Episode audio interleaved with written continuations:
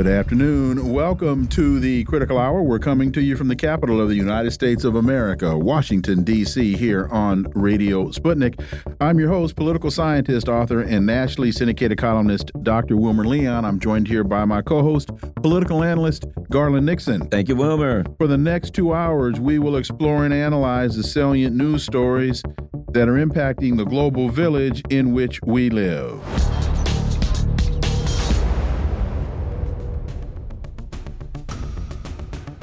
Post writes UN members support Gaza ceasefire in overwhelming 153 to 10 vote. Quote, humanity has prevailed, said the Egyptian ambassador. The Israeli aggression on Gaza must end. This bloodshed must stop. For insight into this, let's turn to our first guest. He's a veteran journalist, war and Middle East correspondent, Elijah Magnier. Elijah, as always, welcome back. Thank you for having me. Good to be with you. So the piece continues. The UN yesterday passed a resolution demanding an immediate humanitarian ceasefire in Israel's two month war on Gaza after the U.S. last week used its permanent member status to veto a similar Security Council measure. The resolution also demands that all parties comply with their obligations under international law, including international humanitarian law, notably with regard to the protection of civilians as well as the immediate and unconditional release of all hostages as well as ensuring humanitarian access.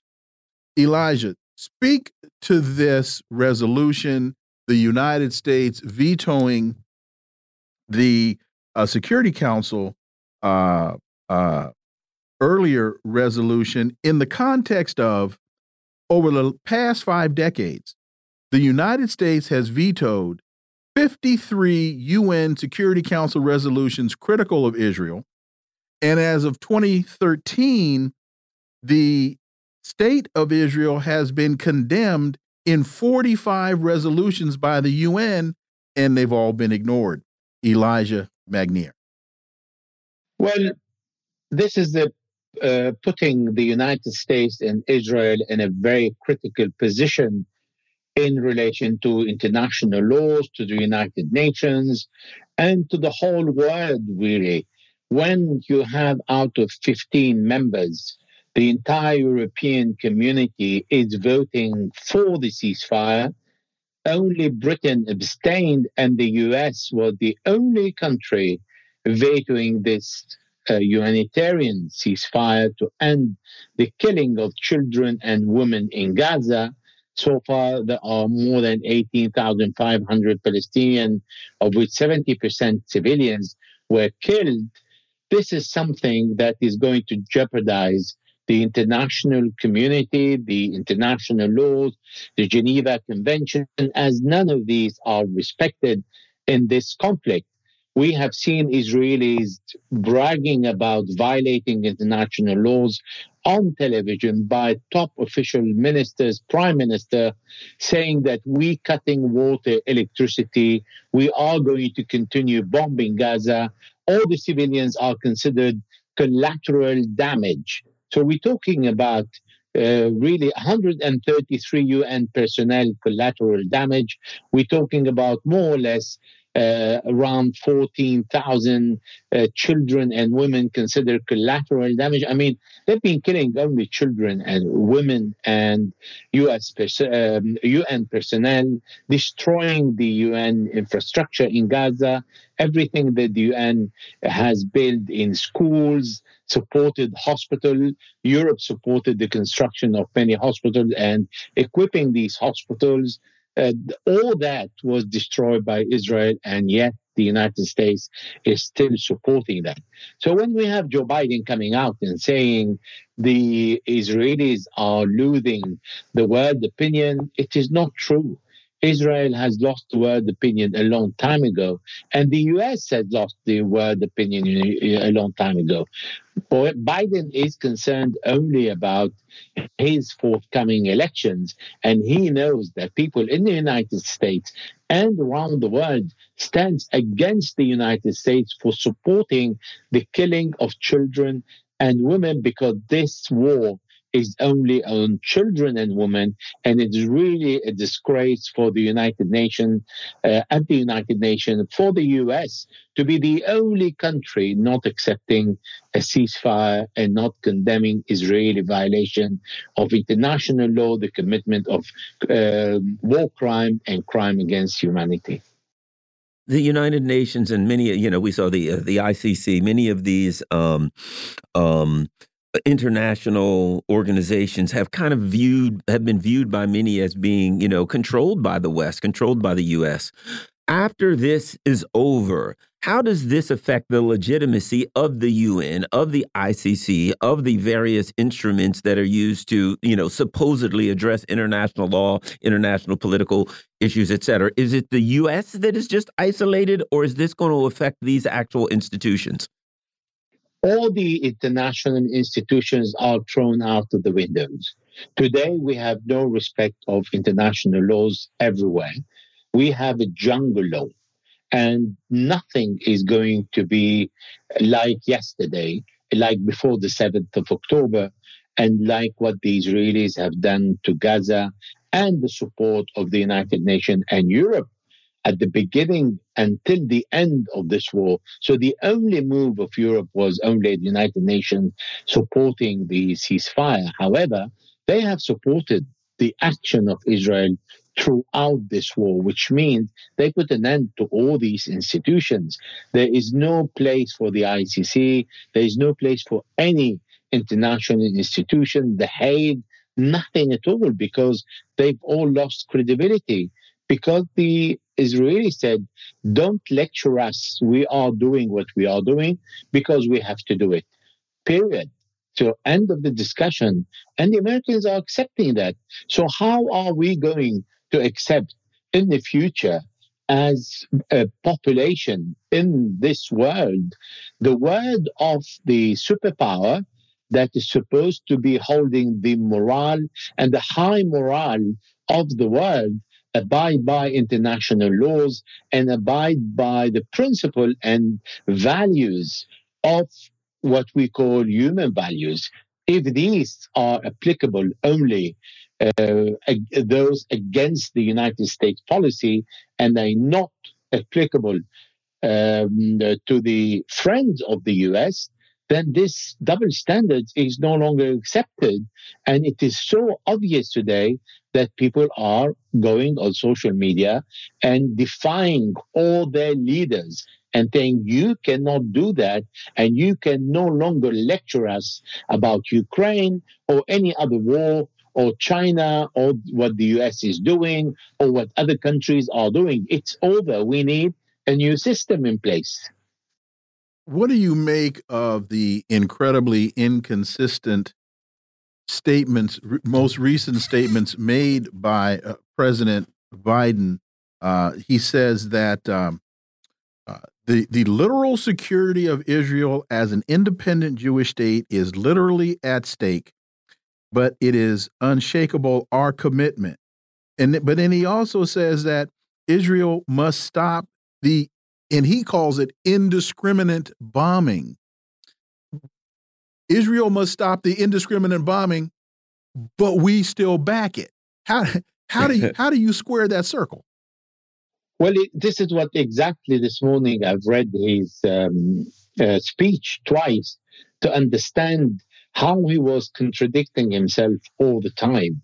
You can't accuse the Israelis of indiscriminate bombing when you are the one who supplied Israel with 45,000 bombs and missiles, and then you go and dig from your strategic warehouses 14,000 sh- uh, tank shells, and then you see the tanks in one line all around Gaza, bombing the United Nations school, for example, or bombing all the houses. So why do you provide uh, not only all the shells and the uh, missiles, but you also have 2,000 men on the ground of the Delta forces supporting the Israelis. You have your generals there. You have all your uh, intelligence system uh, completely devoted for the Israelis. The British are doing the same, the French are doing the same, the German, the Canadian, the Australian, they all involved. So you cannot say that the security of Israel is in jeopardy because they need to stop the war. If you want to stop the war, why you don't vote at the United Nations at the end of this war and you acknowledge a ceasefire like all the other members? So this contradiction in the discourse, it shows how concerned, because the first part of the discourse is only about Donald Trump. So the rest is about what Israel is doing. So I understand from this discourse that is a presidential election discourse because he is really concerned about the lack of support the Democrats are going to enjoy in the forthcoming elections because of this indiscriminate bombing that the Americans are still supporting. We have to remember that in the first days, Biden went to Israel and she had and he said, You have the moral support to do whatever you you want, whatever necessary to end Hamas. Now we all know as the Israeli prime, former prime minister uh, said Ehud Barak said Hamas is an ideology. You cannot defeat an ideology. You have to wipe out completely the entire population of Gaza, that is 2.3 million. And this is why the Heritage Minister and the uh, Finance Minister in Benjamin Netanyahu's uh, government uh, are asking to drop a nuclear bomb on Gaza. So even by Biden saying to Netanyahu, you need to change the members of your government, that again, so inaccurate because it's Netanyahu who's coming out and saying, I don't want a two state uh, solution. I don't want to make peace with the Palestinians. I am not going to allow them uh, to, to allow the Palestinian Authority to rule over Gaza. So he is more radical than the members of his cabinet. It is not the problem of the cabinet members of Benjamin Netanyahu. It is the entire system in Israel that is orientated toward eliminating the Palestinians, sending those of Gaza to Egypt, and sending all of Jordan, uh, all of uh, the West Bank to Jordan. That is the plan. Popular resistance reports the U.S. troops are occupying Syria's oil. Congress rejected 80, uh, excuse me, 84 to 13, a resolution to withdraw U.S. troops. We got about uh, two minutes, uh, Elijah. Well, the Americans have been occupying north of Syria since 2015, and Donald Trump said, I want the oil. I am not pulling out of Syria. So the presence of the Americans in Syria has two objectives. First is to take the oil because they do occupy the oil indeed in that area and they cripple the Syrian economy. Second, is to support the Israelis because they offer uh, military facilities in, in their uh, military um, bases to the Israelis so they have more access to bomb Israel, uh, to bomb Syria, which is something that they have been doing since 2011. So the Senate to vote on presence of occupation forces in an occupied sovereign country like Syria is really unheard of. Uh, when the Congress is the when the Senate is voting for these occupation forces to remain in an occupied sovereign territory, we don't understand how the international law is made here. Is this against this is, is this fitting with the international law? This is what the UN is telling us. This is what the UN Charter is telling that a foreign troop can and has the right to occupy part of the country when ISIS is over. There's no more ISIS there. Nobody is hearing about ISIS anymore in Syria and Iraq. So the presence of this uh, of the American forces in Iraq and in Syria and in Iraq it is an occupation force because the population doesn't want them, because the government, the central government, is asking them to withdraw, and they're refusing to do so. Elijah Magnier. As always, thank you so much for your time. Greatly, greatly appreciate that analysis, and we look forward to having you back. It's my pleasure. Thank you. Folks, you're listening to the Critical Hour on Radio Sputnik. I'm Wilmer Leon. I'm joined here by my co host, Garland Nixon. There's more on the other side. Stay tuned.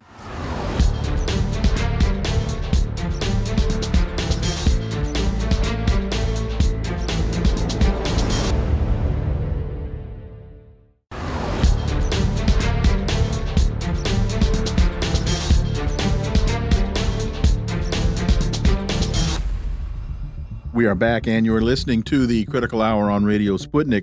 I'm Wilmer Leon, joined here by my co host, Garland Nixon.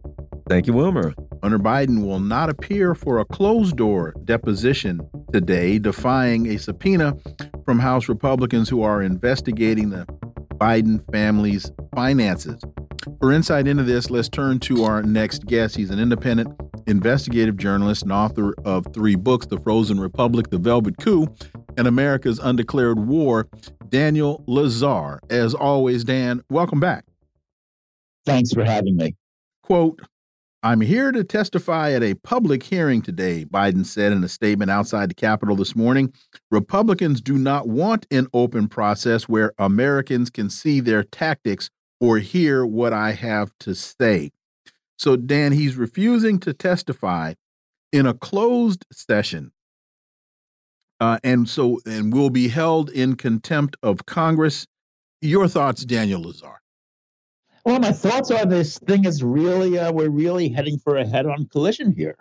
Uh, I mean, um, I mean, I think it's you know obviously the House the House will call upon the Justice Department uh, to to charge uh, Biden with contempt. Uh, I don't see how the Justice Department can do anything other than that.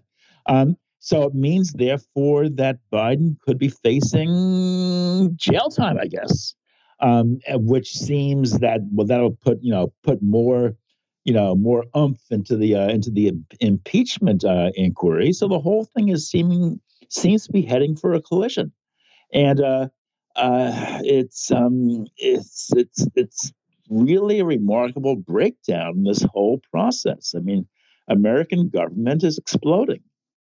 You know, and and and then it seems to me when I look at it, my inclination is people do a cost, uh, particularly lawyers, they do a cost benefit analysis, and it's like uh, analysis. You know, if I don't uh, talk, if I don't do the deposition, if I don't do the interviews, then they can have me. You know, they can get me for you know for that. But if I do, apparently the cost benefit analysis says if I sit down and start talking, things could be considerably worse. So again, it's as you said, the the the U.S. empire, as it crumbles, is so corrupt. The corruption is all the way to the top that it's just falling apart inside and out. Dan. Well, yeah, I mean, I mean, it, it is corrupt, but I, but I just think it's the way the it's, it's just like it's a it's an old machine which is just sort of breaking down and freezing up in the process. So all the all the, the the the working parts are kind of you know colliding with one another as the whole thing kind of just comes to a standstill. Uh, so you know, so so I presume that that that Biden will be will be uh, will be charged. Uh, I assume you know he could do jail time. I'm sure that'll make his father extremely angry. Um, but his father is also gonna is desperate to do a deal with the Republicans regarding um, uh, southern border controls, uh, and in order to free up military aid for the uh, for the Ukraine and and Israel. So the whole thing just seems to be going kerblooey. Uh, and I don't see any way out of this giant collision. And meanwhile, you know, Trump is continues to rise in the polls. Biden looks worse and worse. So it just seems to me that we're going through a phase change in which um, the government ceases to function and power shifts to Donald Trump, you know, uh, 11 months before there's actually a formal election. Hunter Biden says, My father was not financially involved in my business, not as a practicing lawyer, not as a board member of Burisma, not my partnership with a Chinese private businessman, not in my investments at home nor abroad, and certainly not as an artist. Well, to that, the indication seemed to be no, he was involved as a vice president who was receiving compensation because your name is Biden, his name is Biden, and you were putting him on the phone with folks playing uh, upon that name. Also, he says he says that um he says that his, his the, the, the information was stolen from I mean, he's on he's trying to present himself as holier than thou or as above reproach or above the machinations that the Republicans want to send him through, but he's not being clear and honest in the process. Yeah, I mean, first of all, he spent years trading off his father's name, selling influence. He and his and his uncle were doing that. They were dropping Biden's name. I mean, I mean, at one point he was telling a Chinese businessman that my father is sitting next to me, and if you don't send me my send me my my money, there will be like know hell to pay in very high quarters of the U.S. power structure. And not to mention, and not to mention, Joe Biden has jokingly, quote unquote, talked about the leverage he was employing as vice president to get this stuff dismissed in Ukraine. Very similar to standing next to Olaf Scholz saying, Well, I can guarantee you that the Nord Stream pipeline ain't going to be turned up. And then kablooey, the thing blows up. Dan. Yes, you're, you're referring to the Viktor Shokin affair. Yes, Viktor Shokin was a was a prosecutor, a Ukrainian prosecutor who was looking into Burisma, uh, which was the company that hired Hunter for uh, you know to serve on its board of directors, a no-show job, paying, as I understand, thirty thousand dollars a month. That's not a bad job. I wouldn't mind that job myself. and so, um, um I, would so, do it for uh, twenty. And, and, so, um, you know, so, uh, so, uh, apparently, according to an FBI informant, Burisma was anxious to have the prosecutor, Victor Shokin, removed from the case because, because Shokin was causing them big problems. So Joe Biden had Shokin fired. Now, for various reasons, Joe Biden says there was no quid pro quo, that Viktor Shokin was a phony. He was actually impeding the investigation, et cetera, et cetera, et cetera. But, you know, but it shows grievous misjudgment on Joe Biden's part to get involved in a case in this way involving his, his son's employer. And yet he did that. So he can't be very can't be very surprised that people, you know, that eyebrows went up and people want to investigate and and his son was throwing his father's name around using it to make money using it to make millions of dollars. Yet his son insists that his father did not benefit even though one famous memo talks about 10% of a deal for the quote big guy unquote. That apparently was joe biden. But his son says you know he was not involved he did not benefit. But eh, there's eh, one can't help but raise certain questions. There's certainly as much evidence of wrongdoing here as there was uh, in during uh, Joe uh, during uh, Donald Trump's first impeachment when he was accused of using, you know, heavy-handed pressure to force force the Ukrainian government to to investigate Joe Biden, Joe and Hunter Biden's dealings in that country. So it's a very involved, very torturous case, but but Hunter Biden can't say that there is no reason to be suspicious because there is a great deal of reason to be suspicious here. And uh, and I'm going to bring up something that can get all three of us followed by um, uh, black Chevy Suburbans just for talking about it. Thank and, you, Garland. hey, yeah, it's just the kind of guy I am. But um, and and I know you've read it. There was an FBI 1023 form a while yeah. back that Chuck Grassley um, was able to put out into the public sphere, shall we say? And in that, there was an FBI informant. An informant came to the FBI and said, "Hey, we have audio tape of Joe Biden." We got all we got documents we got details we got everything. Joe biden was paid five million uh, uh, hunter was paid five million. They're all crooked as a barrel of fish hooks and we got the deal. Now if i'm in charge of this investigation in the house I'm going to the FBI and I'm going to say, I want that guy's name and I want him here so I can talk to him. And I want to know who the FBI agent is that talked to him. I want to know who his superior is. And I want to talk to them about what they've done to look into this, about how much of investigation. That's the real corruption. Well, part of the big corruption. That is the government corruption. But I have a feeling that if you did that, you'd go the way of the uh, uh, the uh, the Kennedy brothers. Your thoughts on that FBI angle of this corruption, Dan? I, I, totally agree. That document, which is a is an it's called an FD 1023, which is a a, a form, a report on an informant's um, report. It's a it's a it's a an informant's report as you know as understood as interviewed by as told to a certain uh, FBI agent. Um, the report is very impressive. It seems to be quite damning.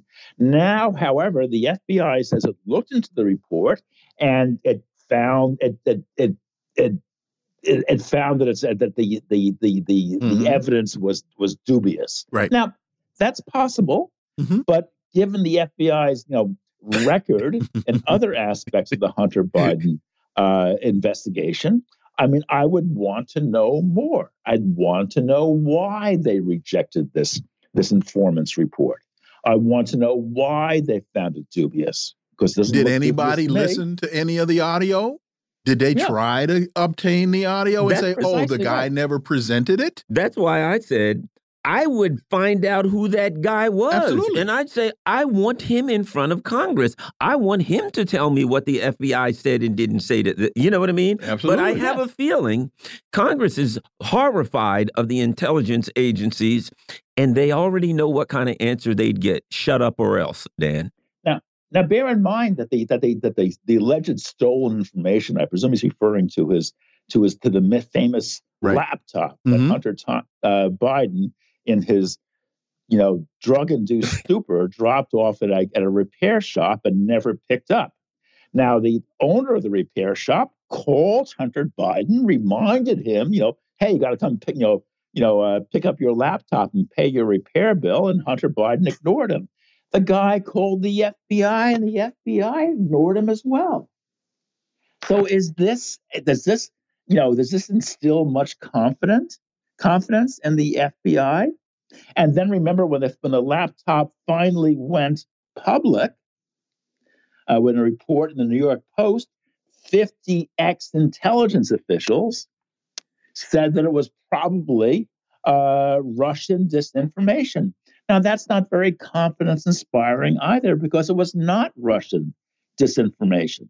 So yeah, so if I was a if I was a on Comer's committee uh, James Comer's committee, which is investigating uh, uh, Hunter Biden, I would want to know more. I want to know what is this F10, FD 1023 form about? Why did the FBI reject it? You know, how can they be sure that none of the money, the millions of dollars that Hunter and his uncle, uncle James Biden raised, that, that apparently went to numerous uh, members of the Biden family, how can we be sure it didn't go to Joe himself?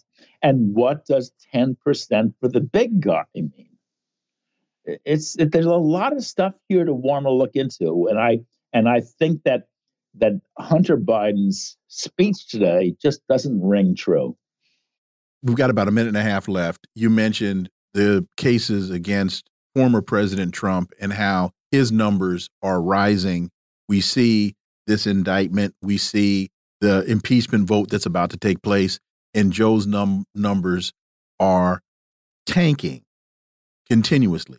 Your thoughts, just the, the you know the the the brilliance of Dan Lazare. Uh, yeah. what, what is what does this say to you? well, it says it says to me number one is that the, the, the Democrats are launching a full court uh, legal offensive and it's not working; it's backfiring.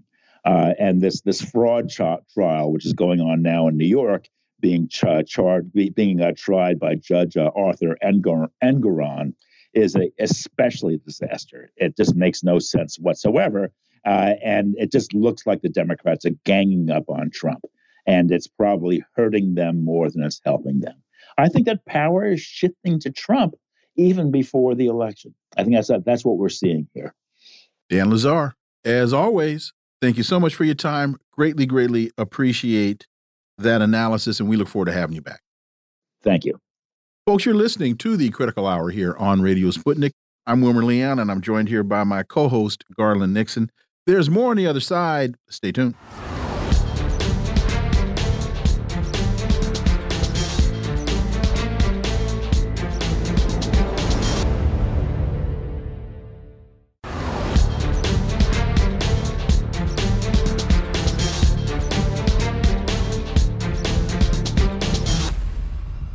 We are back, and you're listening to the Critical Hour on Radio Sputnik. I'm Wilmer Leon, joined here by my co host, Garland Nixon. Thank you, Wilmer. The Atlantic has an interesting piece entitled Why America Abandoned the Greatest Economy in History. Was the country's turn turn toward free market fundamentalism driven by race, class, or something else? Yes, according to Roger Karma. For insight into this, let's turn to our next guest. He's an associate professor of economics at the University of Missouri Kansas City, former president of the National Economics Association. Dr. Linwood Tauheed, as always, sir, welcome back. Thank you. Really been looking forward to getting your take on this. This is the opening paragraph. If there is one statistic that best captures the transformation of the American economy over the past half century, it may be this. Of Americans born in 1940, 92% went on to earn more than their parents. Among those born in 1980, just 50% did. Over the course of a few decades, the chances of achieving the American dream went from a near guarantee to a coin flip. What happened? Your thoughts on the premise of this piece, Dr. Tauheed? Well, I think the I think the authors of this piece put forward um, causal factors like race and class, but but I think they're they're missing the the impetus, uh, the the reason that those that race and class and other things are important, and what they're missing is greed. Uh, this is a a, a discussion about um, uh, this this article uh, says that the, the turn happens in the 1970s. We know in the 1970s, of course, this this economy was confronted with with uh, high levels of inflation uh, and uh, high levels of unemployment, stagflation. But what this what this article misses, and I and, and I, I searched for it in the article, is uh, in 1971 there was a a, a, a memorandum from then uh, Justice uh, Lewis Powell mm-hmm. that was to the uh, U.S. Chamber of Commerce that laid out a plan for the corporate takeover of democracy. The Powell memo. The Powell memo. Well, in fact, at, at the time that he wrote it, he was the chair of the National um, yes. Business. Uh, what's the word? Um, Chamber of Commerce. Chamber of Commerce. Yeah. Chamber of Commerce. Yes. Yes. And then and then he becomes a Supreme and then he becomes right where where he gets the opportunity to put his um, his uh, plan in place. Mm-hmm.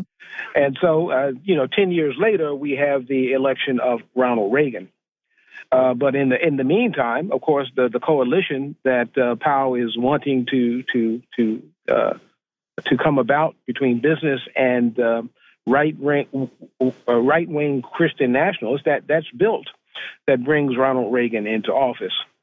And so and so that that the the idea of greed uh, is missed here. Uh, the idea that we are moving from financial capitalism uh, prior to the 1970s, excuse me, industrial capitalism prior to the 1970s into financial capitalism after the 1970s is in fact the plan that Powell put into place. Banks are replace bank power is replacing union power. Now, race comes into it because race becomes a convenient scapegoat uh, in in the process of organizing uh, Christian nationalists and and and the business community to argue that uh, it is those black folks and and and uh, Hispanic folks who are stealing all of your economic power, while in fact it's going into the into the billionaires' pockets. Let me let me throw two things in there. My my revolutionary spirit is coming coming to the fore two things. You know, even when we talk about, let's say 1940s, 1950s, let's say 50s and 60s is what they're really talking about because they're saying 70s started th things started to do the downturn, 1940s the war was just about okay. So you're really kind of talking about the booming 50s and 60s. But during the booming 50s and 60s, what was going on in South America? What was going on in Africa? At the time when our economy was so-called strong, you know, we're talking about who gets a slice of the pie, but let's talk about all the black and brown bodies that were baked cooked in that pie, you know, when all of that money was and and that wealth was taken from the developing nations, which was called the third world. Your thoughts on that, Dr. Tauheed? Yes, yes. It, it's not as if colonialism or neoliberalism or racism uh, just just rears its head in the 1970s. It was going on in the 1950s and 40s and so forth, and and and and the country, you know, we have this industrial base, which in in the U.S., which makes it the greatest economy. But but it absolutely should be pointed out that that the the, the wealth building in this U.S. was at the expense of the rest of the world, uh, particularly uh, African and South American uh, countries and, and, and Asian countries at the time, China and, and so forth and and so uh, you know that that building of wealth, and then the the the, the Powell memo execution, in which the the holders of that wealth now begin to take over the democracy, uh, is is left out if if you don't um, um, if, if, you ignore the the oligarchs and, and, just and just put it into a political framework. Also, uh, you mentioned the transition from well, the Powell memo and the Powell memo takes us to the Citizens United case, uh, which basically codifies Powell. So that, that I, I want to connect that dot. Uh, but you mentioned the transition from the industrialized economy to the financialized economy, and we see that manifesting itself, playing itself out right before our very eyes right now as many economists and, and analysts are talking about the soft landing and they're talking about how strong the economy is and people can afford a package of chicken wings. Uh, yes, we we we uh, we see the difference between what the Biden administration now. Biden is a Democrat. We expect Republicans to say that business is is going to be the savior but but, but the Democrats are, are, of course in that in that process as well, and that things are going well because uh, you know things are going well on on Wall Street, uh, not so well. But, but but but better than on Main Street, and they're acting as if people's um, uh, ability to buy bread, uh, which is which is decreasing, or to or to uh, live in houses and so forth, which is decreasing, is just their imagination. The economy is going well in spite of the fact that you can't afford food. And and and the average person, of course, is not believing that because they're thinking with their wallets and and not listening to to to Biden. Let me ask a, a, another way too. You know, uh, let's say somebody has a drinking problem and their life goes down, and at some point, you know, they wake up, they're laying on the street, their family's gone, everything is gone bad, and they're like, "Where did I go wrong?" Well, you go wrong went wrong when you started drinking. That was inevitable when you opened that first bottle and went down that road. Okay. By the same token, there are those who have argued that that this the the contradictions of capitalism produce specifically this, not that you know, things were going fine with industrial capitalization and somehow things went wrong. But there are those that argue it is the the, the way capitalism works is it's going to concentrate hand more and more power into the hands of fewer and fewer people who will then have the finances to purchase the levers of power in government and and here's where we're going to inevitably be as opposed to this argument this this article arguing kind of a where did we go wrong? There's a discussion as to where we went wrong, as opposed to yeah, this is kind of what capitalism does. Your thoughts, Dr. Tauheed? Well, well, the the, the great um, um, um, uh, virtue, if we want to call it this, of industrial capitalism, even recognized by by radicals, is that it it it uh, teaches and uh, builds a, a process for mass production. That is uh, the process of, of of being able to provide lots of food, clothing, and shelter for the population uh, but but at the same same time, we have a decreasing power of labor. Now, of course, during that period, uh, we had we had increasing labor, and and the power of labor is increasing, which which which creates a conflict that needs to be resolved. Now, um, uh, you know, from a radical point of view, it gets resolved the re- revolution, but but Powell saw it a different way. Uh, it was to be resolved by by the um, uh, takeover by finance of, of, of the process, uh, the diminution, and you know Reagan's Reagan's notable contribution to this is to begin to decapitate decapitate union power. Mm-hmm. And, and and so it, that that union power is decapitated, which means that now now uh, capitalism is is unfettered, if you if you will, and and is going to continue to go on and, and moves into a financial takeover of the industrial process. And not only that, but also what Ronald Reagan helped to usher in was neoliberalism and the privatization of of our government at the at the and also the the the um exponential rise of the military industrial complex because he shifted, he, he did away with a lot of social programs, a lot of government programs. He did away with the revenue sharing programs. He did away with a number of the returning tax dollars back to the states. Those dollars went to militarism. And we now see our economy, uh, uh, uh, our country just replete with problems because the states have been running out of money to deal with issues, things that were co uh, collaborative efforts between the, the Fed and the states is now resting upon the states. We don't have the money, but we can sure find money to send to Ukraine and we can find more money to send to Lockheed Martin. Yes, I mean that's described as as uh, industrial Keynesianism. The, mm-hmm. the idea that the, that the government should spend money to to build the economy is replaced by what we call military Keynesianism. Uh, you spend money, but it, but it goes into the military, and that and that keeps that part of the economy going. And as we wrap this up, and we're looking at 2024, Bidenomics, as much as they keep trying to put a very nice veneer on this, Bidenomics does not seem to be carrying the day. Well, we, we can see that uh, the poverty rate, for example, new reports out are saying that the poverty rate has has pretty much doubled since since uh, 2021. Now, uh, the poverty, poverty rate was was at a low level in 2021. This is when Joe Biden takes office. Uh, there were there were programs that were put in place during the pandemic that actually reduced child poverty to its lowest level ever in this country. And uh, uh, because the Democrats who were in charge did not renew those those those programs, uh, the child poverty and the general poverty rate has has doubled. Uh, and and and those rates are are particularly tied to uh, the inflation of the cost of food and and the cost of housing uh, those things are going up, even as the general inflation rate is going down. The food and housing are still uh, uh, those costs are still being inflated, and so regular people are struggling to be able to buy food, clothing, and shelter.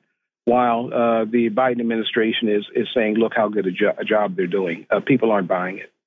Dr. Linwood Tauheed, as always, thank you so much for your time. Greatly, greatly appreciate that analysis, and we look forward to having you back. Thank you, sir. Folks, you're listening to the Critical Hour on Radio Sputnik. I'm Wilmer Leon. I'm joined here by my co host, Garland Nixon. There's more on the other side. Stay tuned.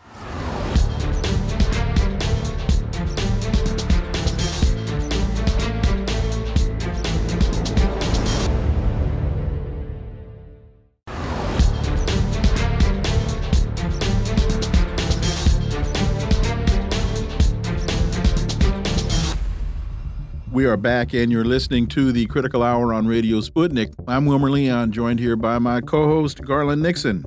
Thank you, Wilmer. Asia Times reports Houthis attack tanker and French warship in Red Sea. Officials warn that if the international community fails to act to stop the Houthi attacks, Israel will do so. For insight into this, we turn to our next guest. He's a journalist, he's a Palestine activist and author. His latest book is entitled Settler Colonialism in Palestine and Kashmir, Robert Fantina. As always, Robert, welcome back. Thank you. Happy to be here. So, Houthi rebels using a drone hit a Norwegian tanker ship for the second time in the Red Sea on Monday. The ship had first been hit on Sunday by a Houthi cruise missile, uh, most likely a Quds 1, which is a copy of the Iran uh, Sumar cruise missile or the Russian KH 55. Robert, uh, the, the the Houthis are now laying claim to that uh, very busy uh, waterway and saying that you know they're going to shut down, particularly uh, ships flowing to and from uh, Israel. They're going they're going to shut shut this thing down. Uh, if if Israel decides that they want to attack the Houthis, that to me is is just a formula for disaster. Robert Fantina. Yes, I agree. It is a formula for disaster. Uh, Israel is busy now uh, slaughtering people in uh, Gaza. It is also having dealing with uh, aggression uh, justified against it uh, from Lebanon. So if Yemen is now getting involved to a greater degree, and if Israel decides it wants to somehow neutralize Yemen and starts starts bombing uh, Yemen, it's going to it's just going to continue to expand. We're seeing it expanding little by little. This this aggression by by Israel, and it's going to grow, and it could bring a disaster to the Middle East and the rest of the world.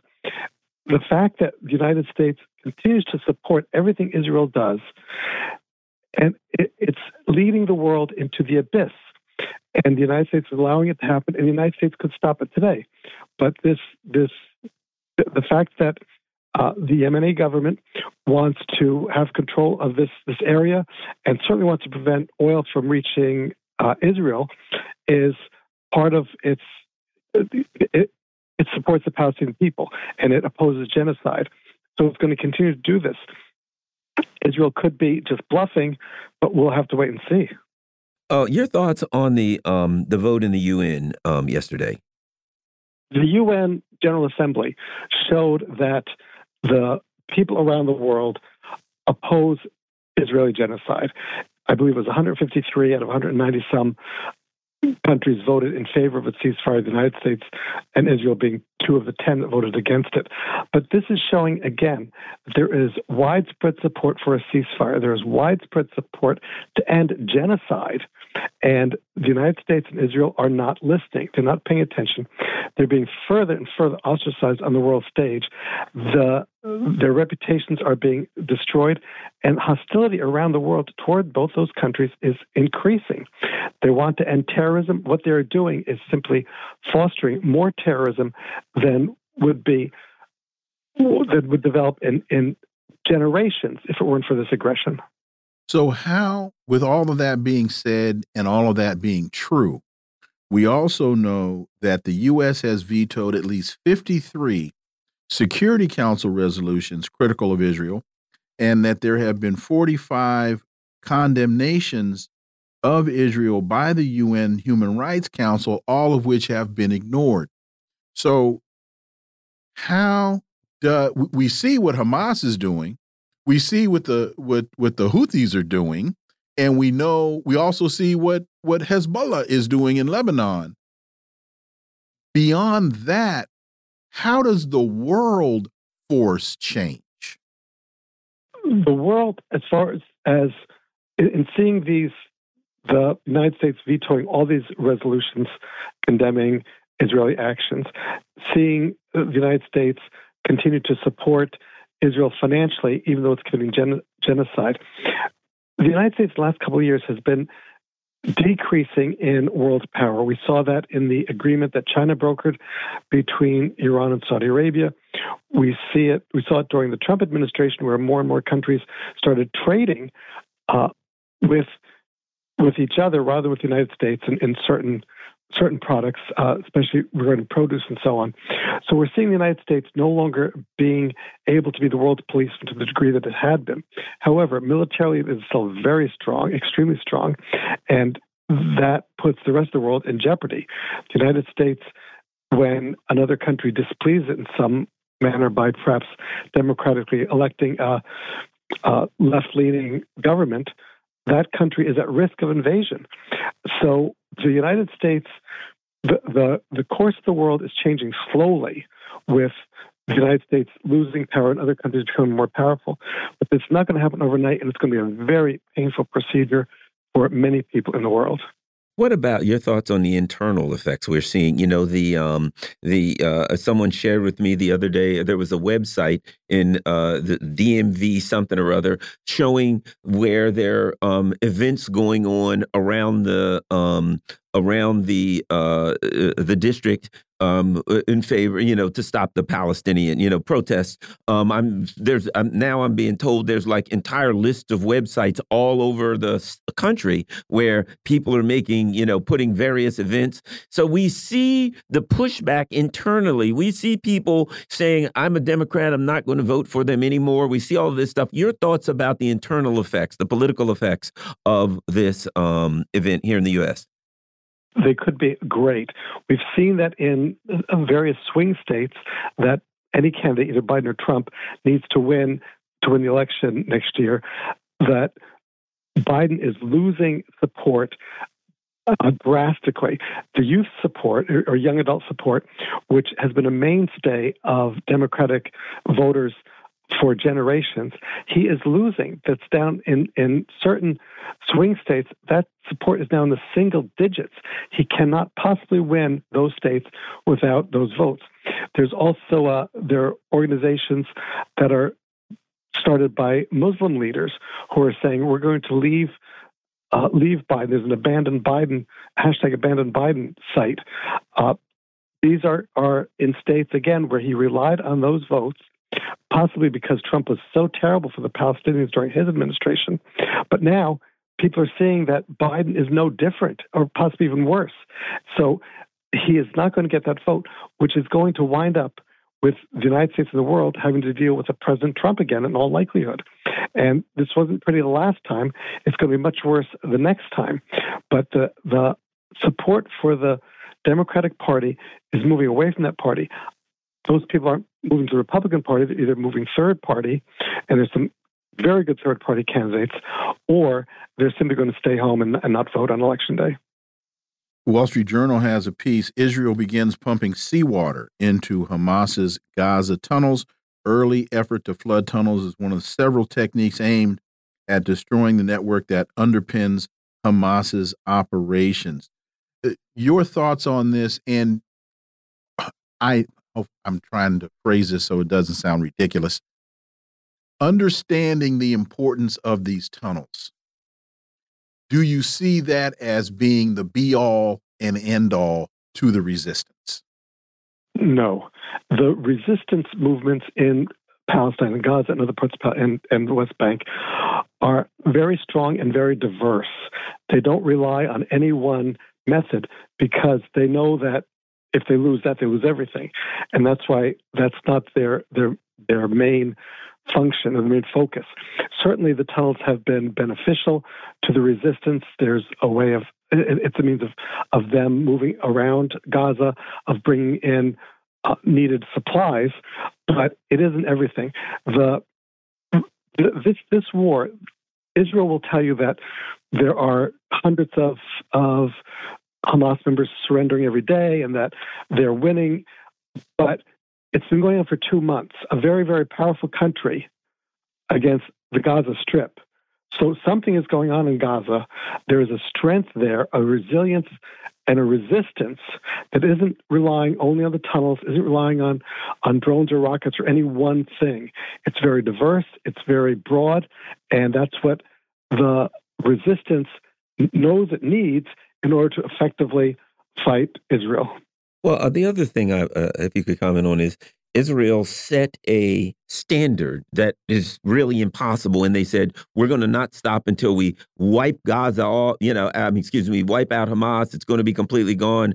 It's an ideology, it's a belief. People that they're bombing right now that are losing family members are no doubt going to plan to join in, become resistance fighters in the future. So they've set a standard for themselves that really you can never achieve.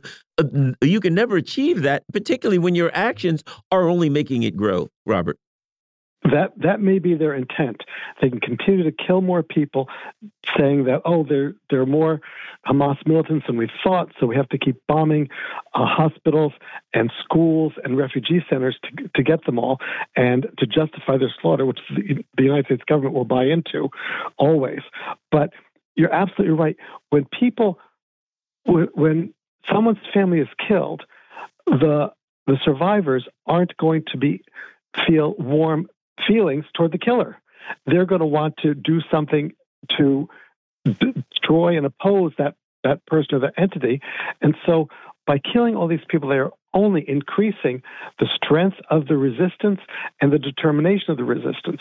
It's a it's a self-defeating effort on the part of Israel. We have just about a minute, and, and what you just said validates the point I've made a number of times, and that is you can't uh, kill an ideology with a military, you replace an ideology with a better ideology. And all the United States is doing, and all Israel is doing with this uh, incessant, incessant, indiscriminate bombing, is perpetuating the very thing that they claim they want to eliminate. Yes, and the the way it can be eliminated, Hamas all resistance can be eliminated. Give the people of Palestine their human rights, their dignity, a two state solution that is reasonable for the Palestinians, and give them self determination, send all kinds of foreign aid for them to rebuild their country. But this is something that Israel will not allow. Robert Fantina, as always, thank you so much for your time. Greatly, greatly appreciate your analysis, and we look forward to having you back. Thank you very much. And, you know, uh, Garland Roberts' point, that very last point, is what tends to get overlooked uh, in a lot of this discussion, and, and that is this has nothing to do with Judaism. This has everything to do with freedom. This has everything to do with the elimination of apartheid and genocide. It's, it's just that simple. Folks, you're listening to the Critical Hour on Radio Sputnik. I'm Wilmer Leon. I'm joined here by my co host, Garland Nixon. There's another hour on the other side. Stay tuned.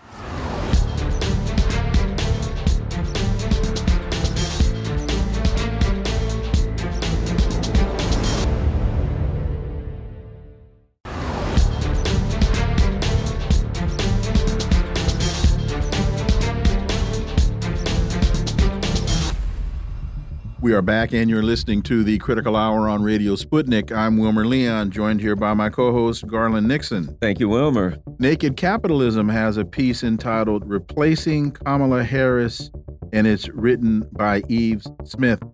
And it, it opens Yves here in a bit of uh, synchronicity. A few days ago, Lambert and I backed into the idea that Kamala Harris has been a central obstacle to Team Democrat 2024 prospects Lambert pointed out if Biden slipped a cog, as he likes to put it, before the convention, not to worry, the party could simply install Gavin Newsom or Jay Pritzker.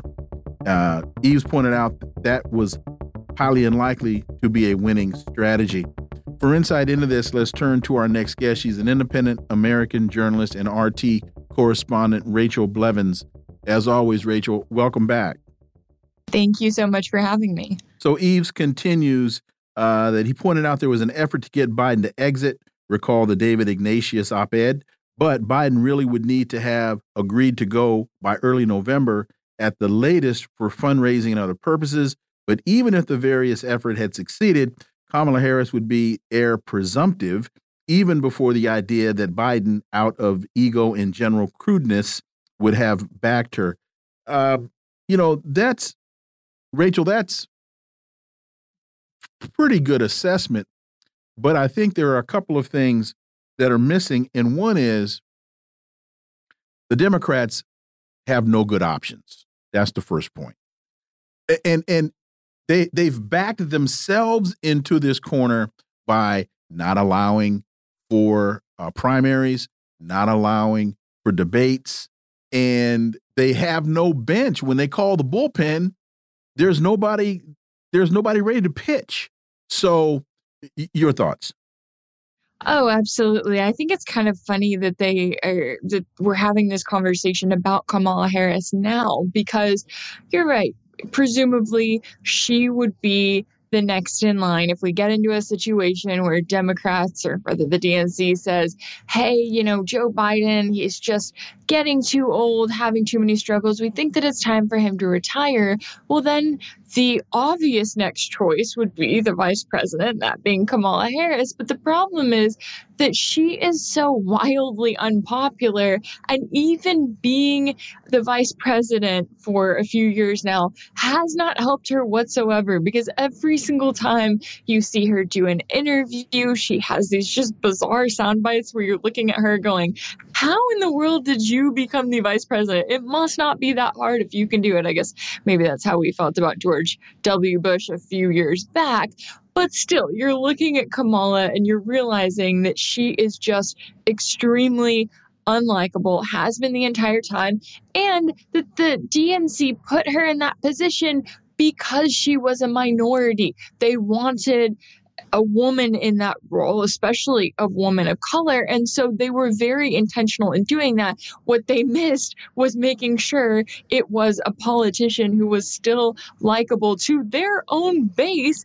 And they have failed miserably doing that. And now we're seeing the results of them scrambling and going, well, wait a second, we don't have a good second choice, even if it is the vice president. And and what you're talking about to me also um, uh, puts an exclamation mark on the incompetence of whoever and the people are who are making the decisions and leading the Democratic Party right now. Because if you look at Kamala Harris, she started when she ran for president, she started at 18%.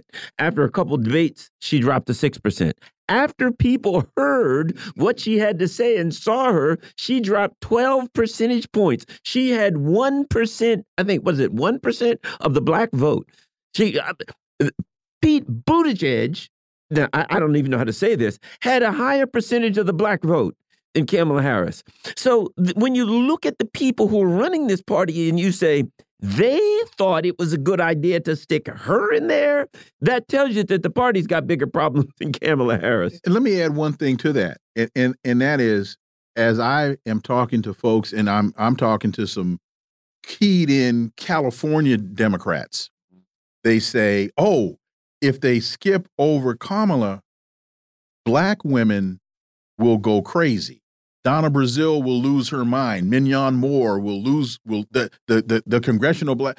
Well, if where were they when she was running for president and only getting one percent? They didn't support her then. They didn't support her then. So, Rachel, it, eh, your thoughts on all of that? Yeah, mm-hmm. absolutely. I mean, we saw this back with her presidential campaign. I think it's also a reminder that when you are so specific on, oh, we need to check this box and this box, and you don't pay attention to the personality, then yeah, you risk losing your voter base. You also find us in yet another situation. I mean, we had this with the Trump administration where there were people who would say, hey, I'm not a big fan of Trump, but I am absolutely terrified of his vice president, Mike Pence, being in charge. And if he were in charge, he would be getting us into a war. Now we're yet again in a situation, and maybe it's not quite as much of a contrast, but still in a similar time when we're looking at Joe Biden going, he has all these issues. Oh, yeah, and his vice president is not that much better. We do not want her in charge of the country. We're a little bit concerned about what that would lead to. And it's a reminder of, as y'all were pointing out there, you know, the DNC has been so focused on choosing the right candidate for their establishment that they have not looked at what do the American people actually want to see and who are they going to come out and vote for? And sometimes it seems as though the DNC doesn't even really want to win these elections. They just want to fundraise. And they have been very successful at fundraising when they have a candidate going up against Donald Trump. So it almost seems as though their best bet is just having Trump run. And then it doesn't really matter if they win or not, because then four years later, they get to run someone against Trump again and they get to raise more money. But of course, in this situation, if Trump does win, then I guess they're going to have to figure something out in four more years, whether they learn that lesson or not.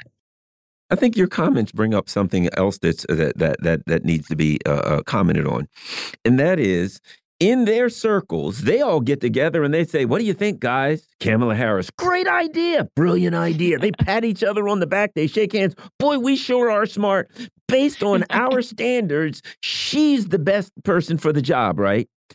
But they are so detached from their constituency that they can't see that their constituents are like, Well, that's not really who we want. We like, we can't afford to buy a pack of chicken wings right now. Can you give us somebody who will focus on us being able to grow to the grocery store? And that takes that that takes me to the point that I was going to make when you, uh, Rachel, talk about fundraising. Look at where the Democrats are raising their money. They're raising their money. Hillary Clinton having million dollar fundraisers at her uh, Washington D.C. compound. They're they're primarily raising the money from the elite as opposed to raising their money from the $10, the $25, the $50 individual contribution that in his first term, Barack Obama was very successful in galvanizing as African Americans saw the viability of the possible first uh, election of the first black president. And now, Biden, uh, Obama didn't really listen to the constituency either. but I'm, but, but at least you're looking at a, a difference in terms of public input versus elite. Yeah, yeah, that's a really good point there. You know, when you do look at who is donating, because I know Joe Biden raised what was it, fifteen million dollars over the weekend in California, but it's coming yeah, all from, from fifteen donors. people yeah. And it's like, yeah, if you are in a position where these are your donors, that may work out well for you. But the problem for the entire Democratic Party is that they have American voters who now feel disenfranchised by who they continue to choose. And it also goes to the heart of the fact that the average American isn't necessarily Republican or Democrat. You have a situation where many Americans look mm-hmm. at specifically the race for president and they say, I want to see more third party contenders. I want to see more voices involved who actually represent my own voice and who you want to go out and vote for. You know, bringing up Obama's 2008 election, people were inspired by him. Now, they didn't know what he would turn into, but they were inspired by his speeches. They wanted to get out and vote for him. And it's so interesting and also a little bizarre to see that here in the United States, you know, this wealthy country where we have so much money that goes into these elections, we have not really gotten an inspirational candidate like that. Now, I know Donald Trump was, I guess, inspirational to some people in one way or another by trying to appear as though he was going to take on the establishment but it doesn't really seem like we've had a version of Barack Obama since 2008. And I don't know if that's just because eight years of him in office, people kind of woke up to that a little bit and maybe they said, I won't get fooled again, or if it's just because the political elite at the top have made such poor choices and have said, you know who you're going to like? Kamala Harris. And they claim that they are going to see to it that she is going to be successful, only the American people aren't quite on board with it yet. I'm going to read uh, a sentence from an article and then go to this main article. Here's a sentence from an article. AIPAC could spend as much as $100 million to defeat left wing incumbents in the coming primary season. Okay? Let's go to the article we're discussing. Meta officials warn China, Russia, Iran plan foreign covert influence operations ahead of the 2024 election. One thing you got to give Israel, they ain't covert. We're spending $100 million, and we're supposed to believe that Iran has a preference between Joe Biden and Donald Trump. How stupid do they think we are, Rachel?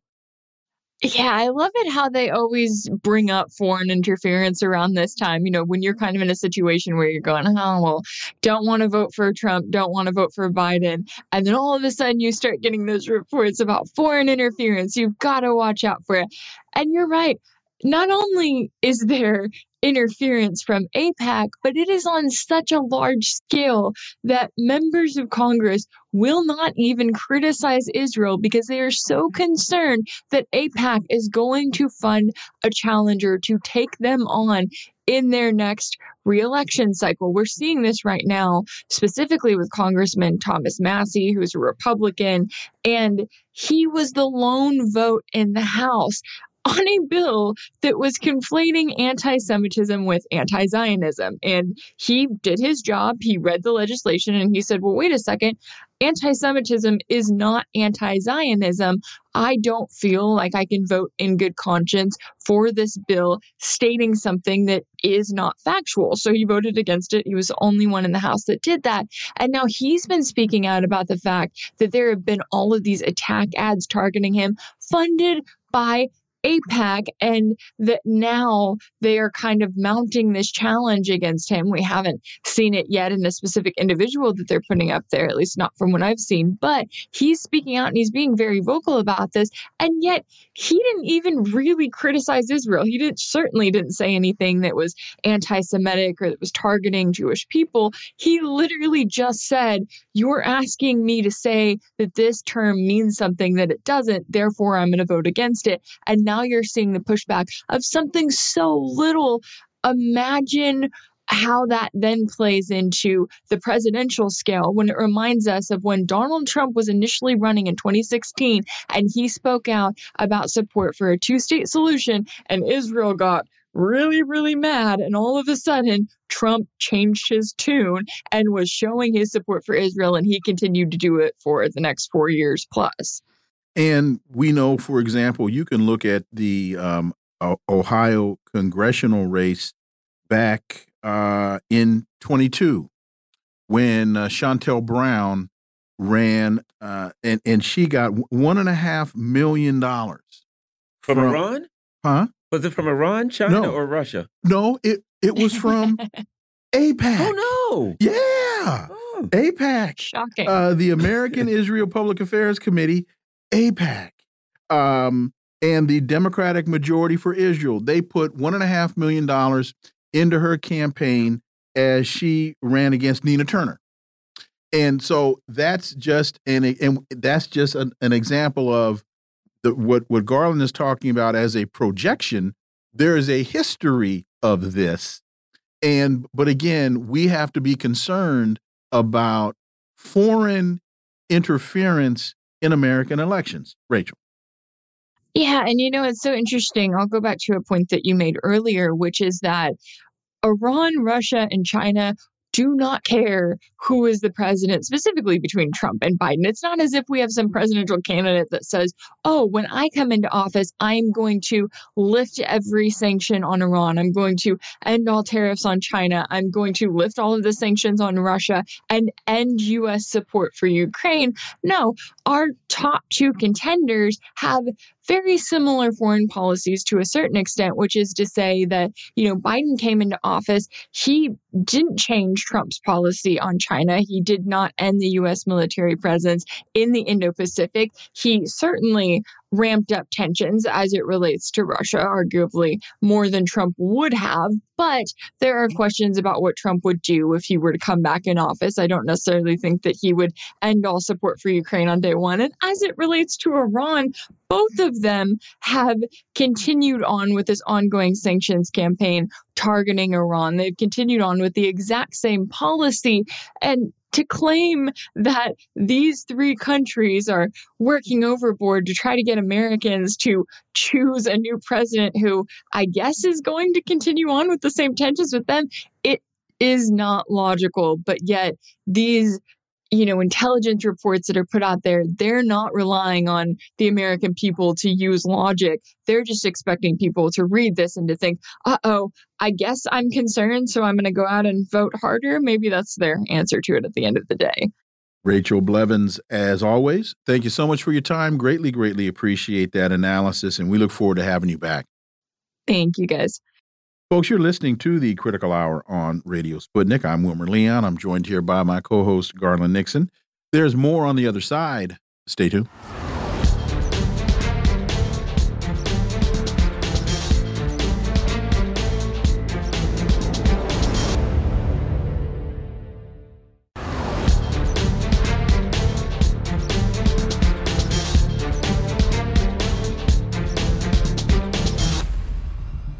We are back, and you're listening to the Critical Hour on Radio Sputnik. I'm Wilmer Leon, joined here by my co host, Garland Nixon. Thank you, Wilmer. Orinoco Tribune has a piece Africans should expel all U.S. bio laboratories. In the early 21st century, new concerns about bioweapons being used to generate terror and also with a series of newly emerging or newly understood disease causing microbes have resulted in infections and deaths of workers studying these microbes in the laboratory, generally to gain understanding and to develop treatments and vaccines. Why does this matter and who should be concerned?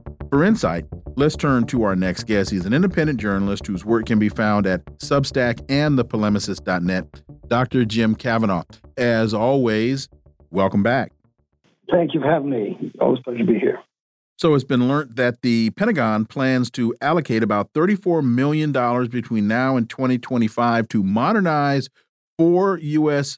Army Medical Research Department laboratories, a move that could make millions of Africans hostage to deadly biological threats. Dr. Jim Kavanagh.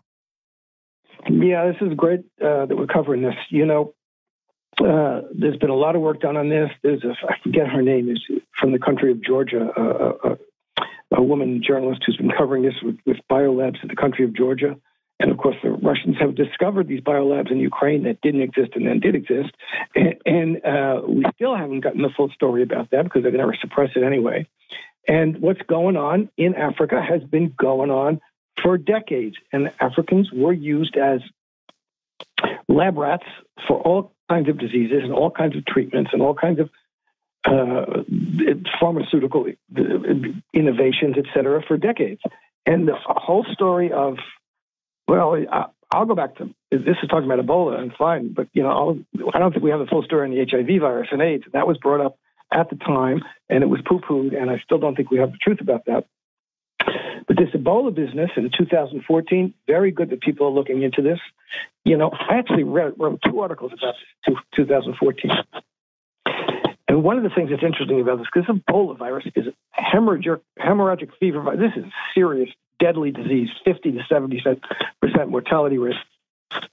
And there was a whole rigmarole about a debate about whether the doctors and nurses who had worked with these Ebola patients, and there was a there was there was a guy who was uh, a case of Ebola in, in, in, Florida that caused a lot of uh, panic, and there was a whole rigmarole debate about the doctors and nurses who worked with these patients. When they came back, should they be quarantined for a week or a few days? You know, because they were in they were in contact with this very serious, very dangerous virus and it became a political football. And all the Democrats said, "Oh no, you, you, this is martial law." With Chris Hayes, if you try to uh, quarantine one person for one week, one person been in contact with the virus, and it was uh, one of the doctors who came back wouldn't go into quarantine, went out in New York City, and two days later he had the virus. They had to bring him back in.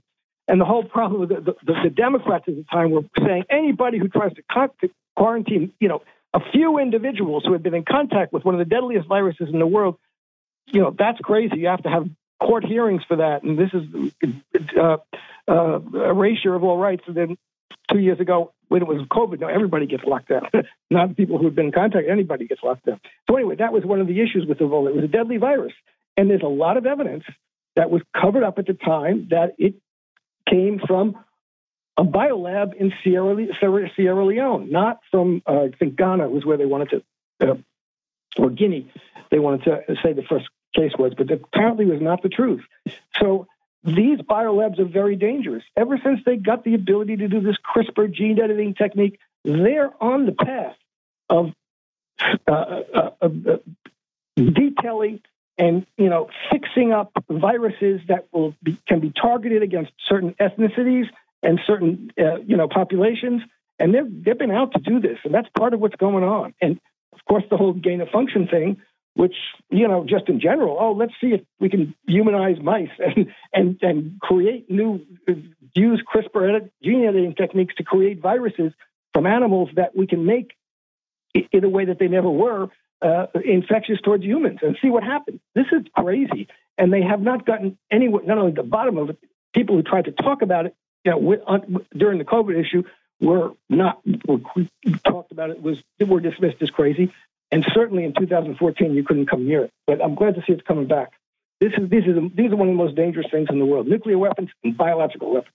Well, what's interesting is, and it's like anything else, when you look into the details, the devil's in the details of the 24 the, the 2014 Ebola uh, uh, virus outbreak. One of the things that they brought out was that the argument was made that it was an epidemic and it was uh, it was from a two year old boy who apparently was playing with bats and somehow he got it. However, that being the case, uh, they would have found, as they say, if that if if there was Ebola in in bats, they they always find a mass die off of the animals. They never found a mass die off of the bats.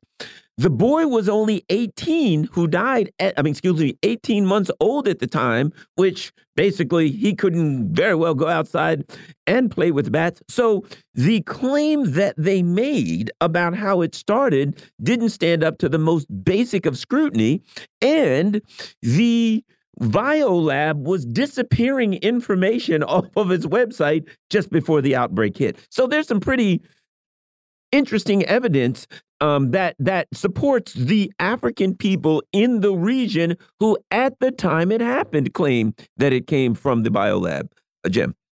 Yeah, Sam Husseini and uh, Jonathan Latham did this article on this, which we were talking about today, and and Sam Husseini's been great. He was great on COVID. Jonathan Latham, uh, he and his colleague read my articles about COVID, and we're going to publish it. And then their board of directors wanted to tone it down a bit. I said, I already wrote the damn thing. I'm not going to rewrite it. but uh, he was very positive about it. And they've done a lot of work on this. I'm glad to see them doing it. And they went back and they found out exactly what you said. At the time, again, anybody who raised an issue about it was poo pooed and said, oh, you're just a conspiracy theorist. And you've got to go into the details. And it takes, you know, it's not that easy to do. You know, you've got to find them, first of all, because they're they're, they're not impossible to find, but they're well hidden. And you got to go go into them and see exactly what they claimed and look at the details of how what they claimed doesn't jive with what actually happened. And that was the case with the supposed patient zero, who was this two year old, actually 18 year month, 18 month old kid who was supposedly going into caves playing with bats. And, and nobody, you know, questioned it. If you questioned it, you were a conspiracy theorist. And the people who put it forward were the most eminent people in the field, et cetera, et cetera. They were, but they were also the people who were working in these fields, working in these laboratories, and had a reason to hide any problems that they might have caused. And so, you know, but it was very hard. And we saw this with COVID for, for, for not only for lay people, certainly for lay people, and you know, smart lay people could go and dig into this to get the, to go and dig into the to find the information and dig into it.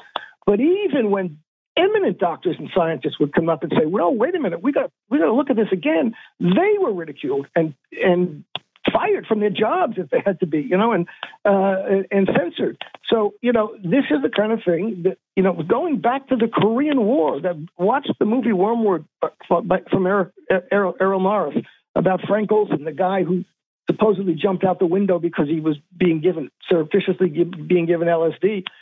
Actually, he was pushed out the window because he was going to reveal some things about the germ warfare program in Korea. And they covered up the, the, that story with story of, oh, we were at fault for giving him LSD. Uh, and, and, so th- this germ warfare and biological warfare has been going on a long time. It's one of the things that people know very little about. And it's very extensive and it's very well covered up.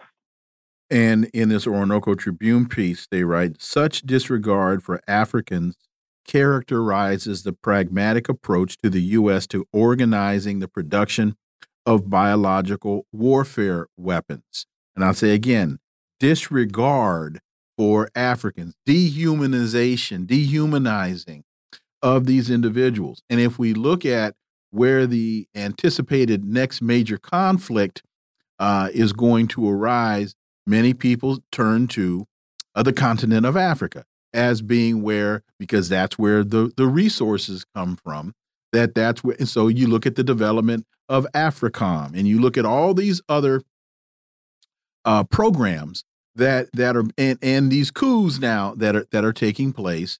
Uh, you can't look at these things as though they are occurring in a vacuum. You've got to be you've got to start connecting these dots. And again, you mentioned earlier in the conversation the labs that were found in the Ukraine.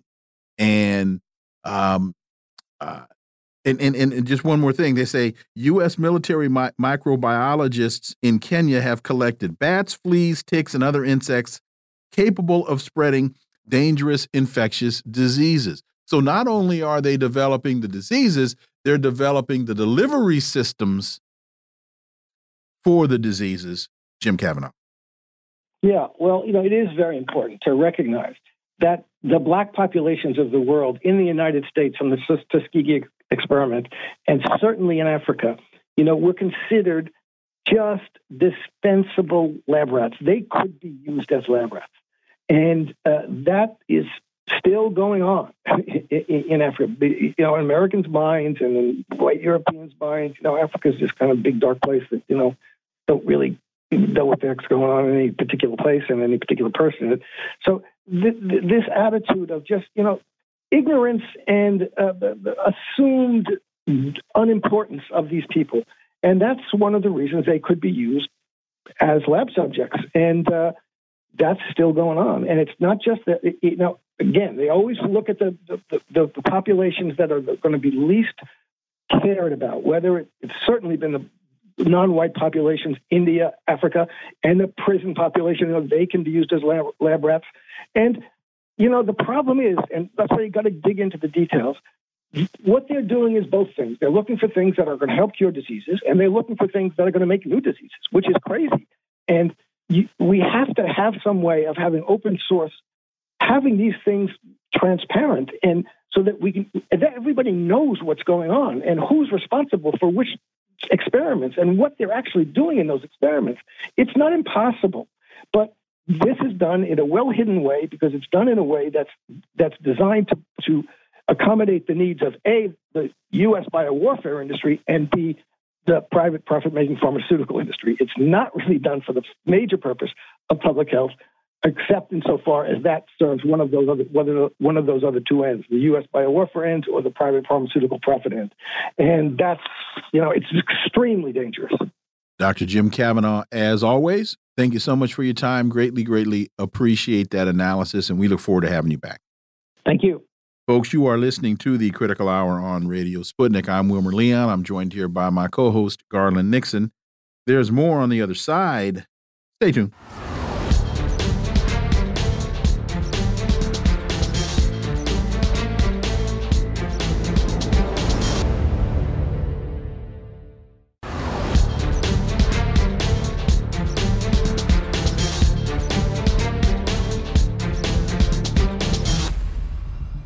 We are back, and you're listening to the Critical Hour on Radio Sputnik. I'm Wilmer Leon, joined here by my co host, Garland Nixon. Thank you, Wilmer.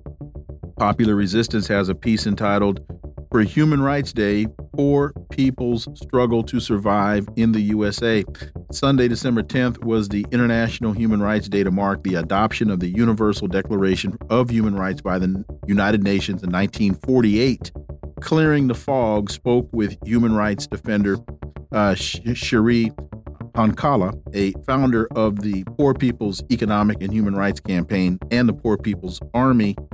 She talks about the worsening situation for poor people in the United States. For insight into this, let's turn to our next guest. She's the co editor of Popular Resistance and the conductor of this interview, Dr. Margaret Flowers. As always, Margaret, welcome back. Thank you. It's always great to be with you.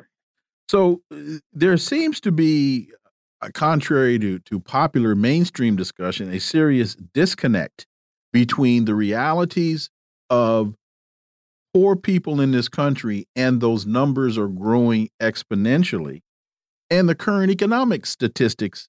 I mean, I, you know, Dr. Flowers, I don't see how we could have be having a discussion about poor people in the United States when Bidenomics is saving our economy. That's yeah. I mean, isn't that interesting? In the United States, we've had this incredible concentration of wealth, so that you know the the lower. I'm sure now it's much higher than fifty percent. You know, have uh, you know such a tiny portion of the wealth in this country, and the top ten, and particularly the top one percent, have the majority of wealth in this country. So those kinds of you know overall numbers can look okay but when you look at things like the most recent Census Bureau, I think I found that more than 60% of people in the United States report that they are struggling to meet their basic needs each week. And of course, we continue to have, you know, high numbers of people without housing, high numbers of people without uh, jobs, people who are in incredible debt. Uh, and that's the system that we have right now. Um, your thoughts on the imperialist use of human rights, uh, the issue of human rights. You know, we're talking about actual people and heaven forbid, people who happen to reside in the United States. But meanwhile, what we usually, when we hear human rights, it's usually Russia or China or Venezuela or whoever the perceived adversary of the day is, is committing uh, human rights violations against fill in the blank. Uh, Dr. Flowers. Oh, absolutely. It's so interesting if you really look at the U.S.'s foreign policy. Um, the United States government targets countries that are actually putting in place programs to benefit their people. Countries like Cuba or Nicaragua or Venezuela are some of the top three that the U.S. is targeting because they're actually using their resources to build housing, free or low cost housing. They're providing health care to every person. They're providing education through higher education for free to everyone. And uh, and the United States one doesn't like that example because they don't want people here to know that governments can do that. And two, they don't like it because the United States wants those resources for itself. It wants U.S. corporations in there extracting those resources and taking those uh, products. And then, you know, what's so interesting is we weaponize human rights. You know, we, we go after countries and say they're violating human, rights. They may not be, but we'll still say that we are because that's a way to shift the public perception so that the public will actually support intervention in those those countries. But then we uphold countries. We support countries like well, Israel's not a country, it's a state, it's an illegal occupying state. But talk about a human rights abuser, or look at Saudi Arabia or many other countries, Bahrain, others around the world that the U.S.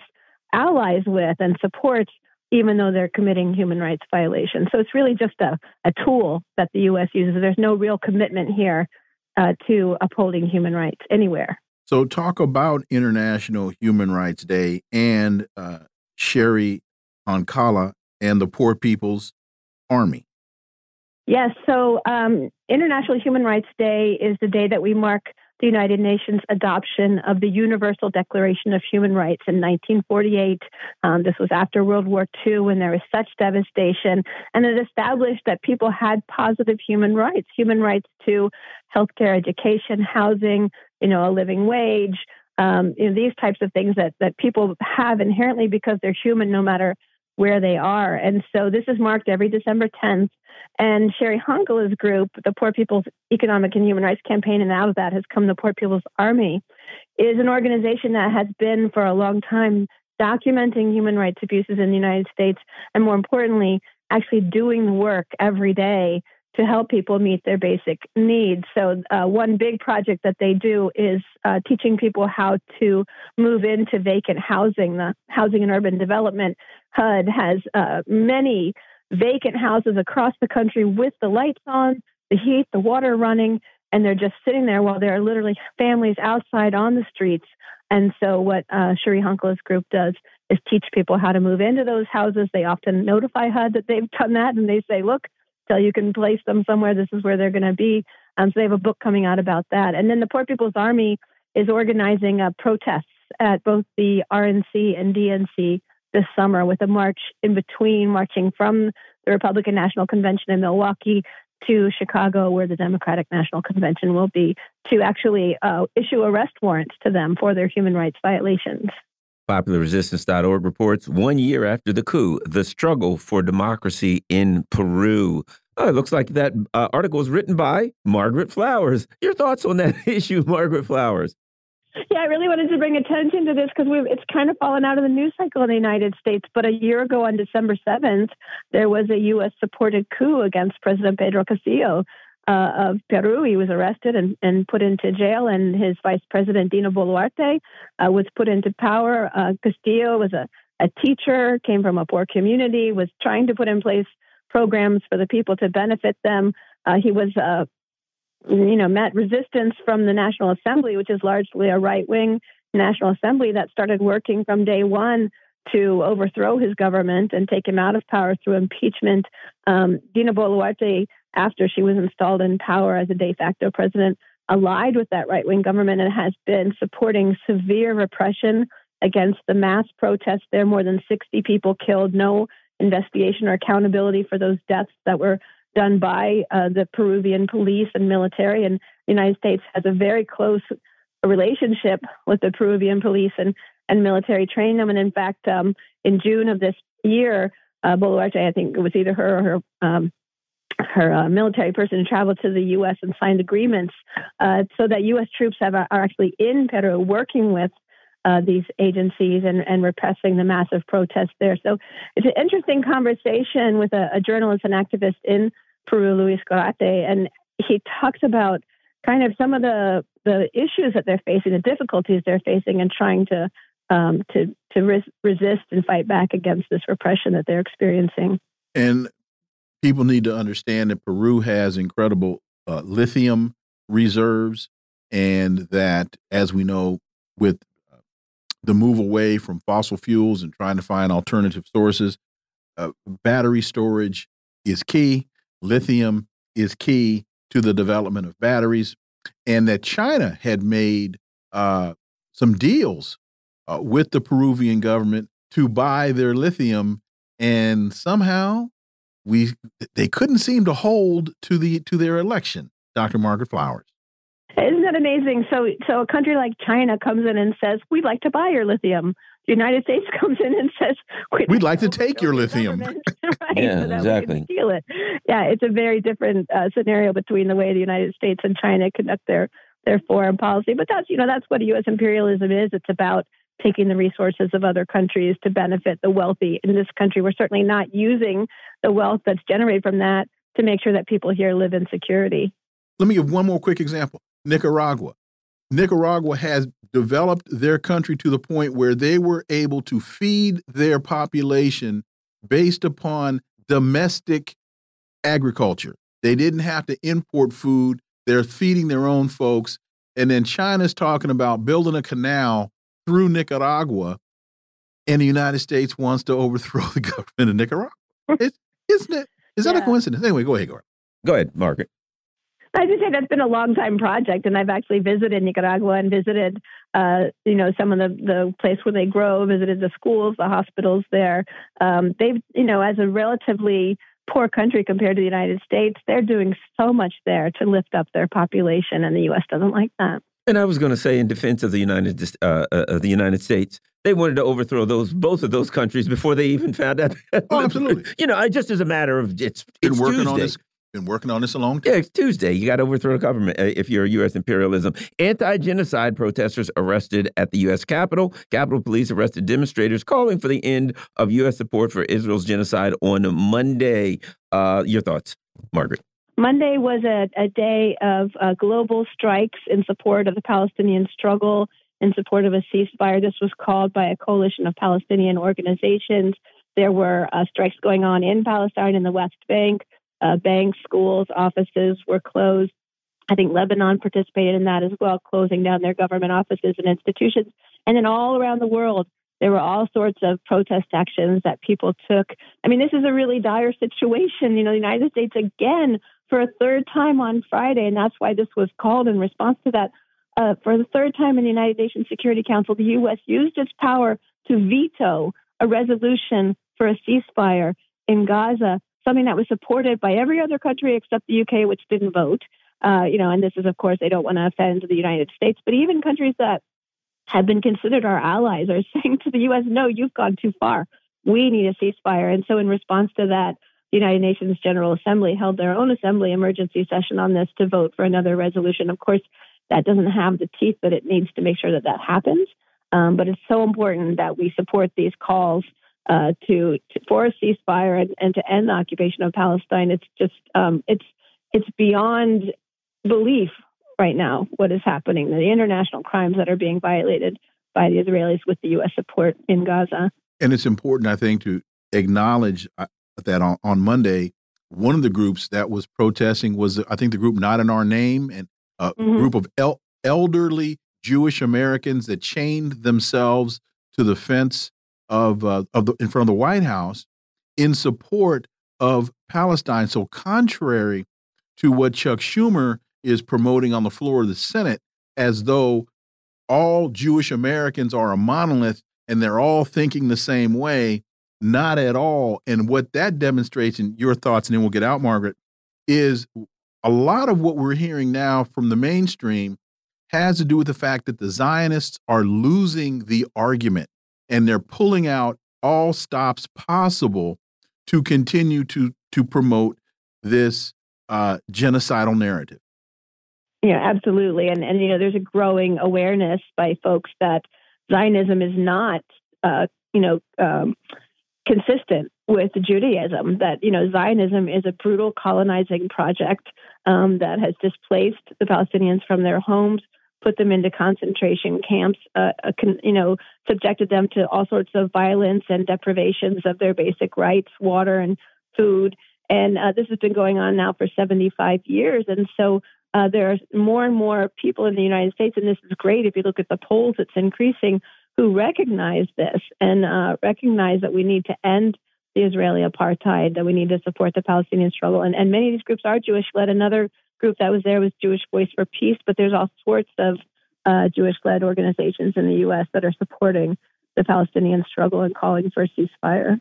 Dr. Margaret Flowers, as always, thank you so much for your time. Greatly, greatly appreciate that analysis, and we look forward to having you back. Thank you. Folks, you're listening to the Critical Hour on Radio Sputnik. I'm Wilmer Leon. I'm joined here by my co host, Garland Nixon. There's more on the other side. Stay tuned.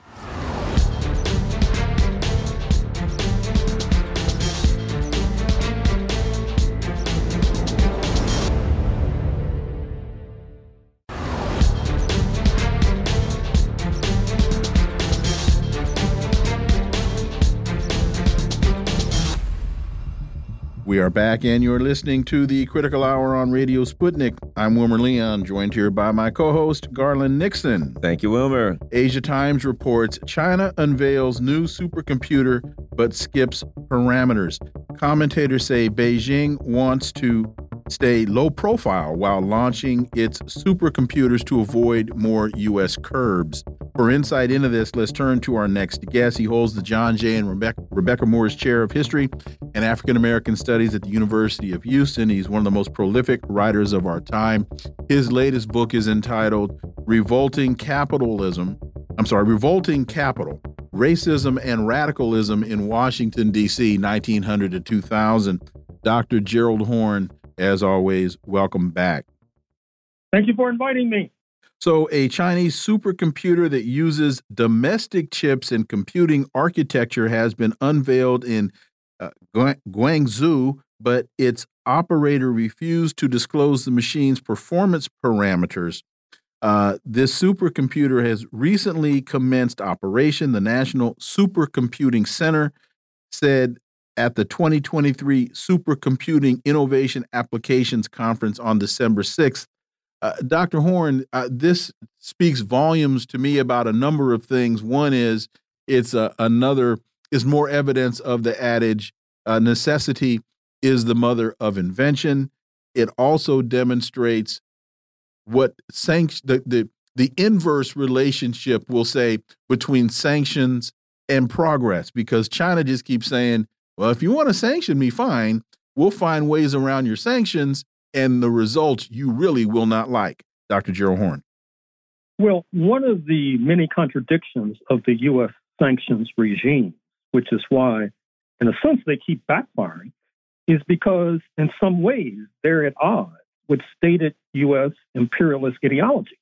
That is to say, that imperialist ideology suggests that governments should stay out of the marketplace uh, as Mr. Reagan, the late U.S. president, uh, once said, government is the problem.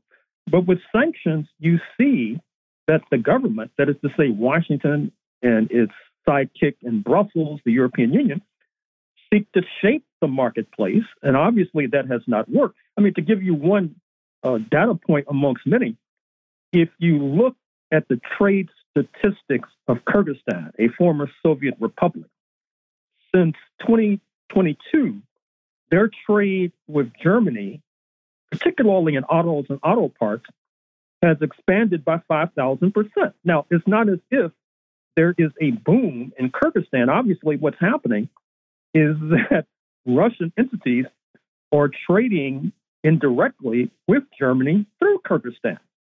But the story that's now on the table is highly significant because it's an aspect of a larger narrative that we need to contemplate more seriously. That is to say, the rise of China in the 21st century, perhaps the most important development in the world or in the political economy in the last two centuries, or perhaps the last five centuries.